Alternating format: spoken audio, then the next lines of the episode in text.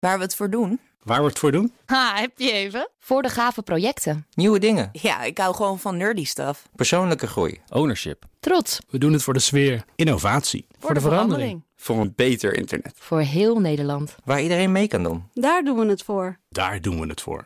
Waar doe jij het voor?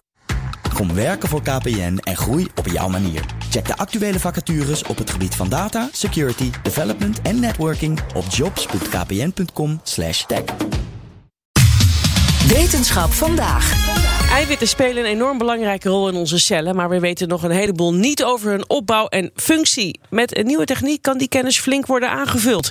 Wetenschapsdirecteur Carlijn Meinders, wat hebben ze precies bedacht? Wij zouden zonder eiwitten niet kunnen leven. Laat dat eerst duidelijk zijn. Het zijn de bouwstenen van de werking van onze cellen. Nou weten we inmiddels al behoorlijk wat over ze, bijvoorbeeld door naar DNA-moleculen te kijken. Die coderen voor die eiwitten, die hebben de blauwdruk. Dus daarvan leer je al iets over welke er gemaakt worden. Maar we weten ook nog een heleboel niet, vertelt onderzoeker Kees Dekker van de TU Delft. We hebben ongeveer 20.000 stukjes DNA-genen die coderen voor eiwitten. Maar er zijn miljoenen eiwitten in onze cellen. En dat komt omdat nadat het eiwit gemaakt is, wordt je nog op allerlei manieren veranderd. Er worden groepjes bijgezet, een suikergroep hier en een fosfaatgroep daar. Dus er zijn ontzettend veel varianten. Nou, en daar, ja, dat zou je bijna de donkere materie van de biologie kunnen noemen, van onze cellen. Want in het heelal hebben we donkere materie en we weten niet zo goed wat dat is. Nou, in ons, in ons lichaam hebben we dat ook. Dus we hebben allerlei eiwitvarianten en we weten niet eens hoe vaak ze voorkomen in cellen. Zoiets basis als dat. Nou ja, zeg, belachelijk. Ja. Maar daar hebben ze nu iets op gevonden. Ja, en uitleggen wat ze nu precies is gelukt, dat kan misschien nog het beste door zo'n enkele eiwitsliert even voor te stellen als iets anders. Je kan het misschien vergelijken met een soort halsketting met allemaal parels daaraan. Maar parels in verschillende kleuren en vormen. Twintig verschillende soorten parels die je dan aan die halsketting rijgt. En wat wij hebben gedaan is als het ware zo'n ketting heel langzaam langs een klein gaatje laten lopen. Uh, vergelijkend bij wijze van spreken als je die ketting, een hele lange ketting, die ga je uitrollen. En die, die laat je door een afvoer in het bad uh, lopen. Terwijl het badwater er langs uh, vloeit. Oh ja, daar hou ik wel van. Ik ben wel beeldend visueel ingesteld. Een ketting door Ja, afvoerputje, water erlangs. Ja. Ja. En in het geval van het eiwit trekken ze het natuurlijk niet door de afvoer, maar door een speciaal nanogaatje van 1 nanometer, een miljoenste millimeter, dus super klein. Die sliert gaat door dat gaatje met die verschillende gevormde parels. Aminozuren zijn het, maar laten we het even parels blijven noemen. En elke keer als zo'n parel door dat kleine gaatje gaat, verandert er iets in de stroming die er langs loopt.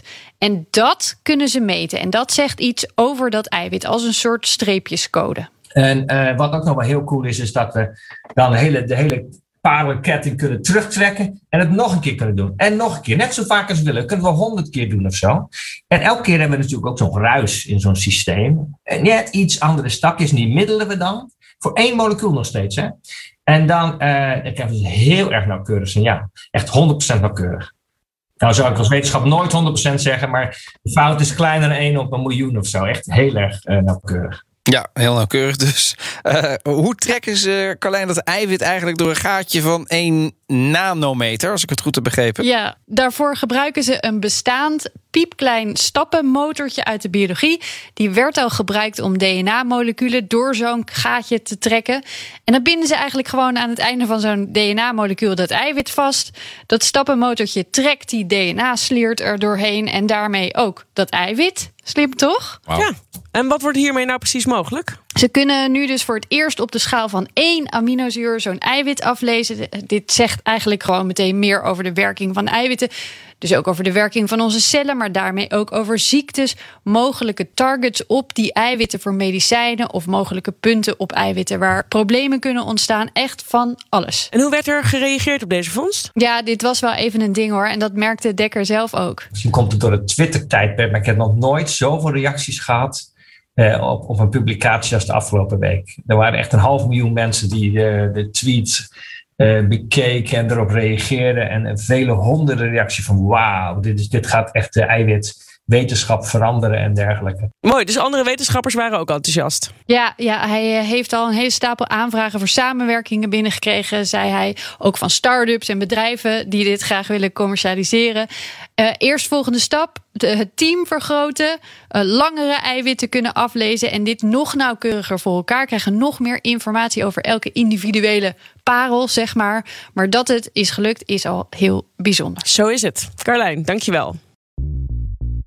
Bij BNR ben je altijd als eerste op de hoogte van het laatste nieuws. Luister dagelijks live via internet. Bas van Werven. En heel langzaam komt de zon op rond dit tijdstip. Je krijgt inzicht in de dag die komt op BNR, het Binnenhof in Nederland en de rest van de wereld. De Ochtendspits. Voor de beste start van je werkdag. Blijf scherp en mis niets.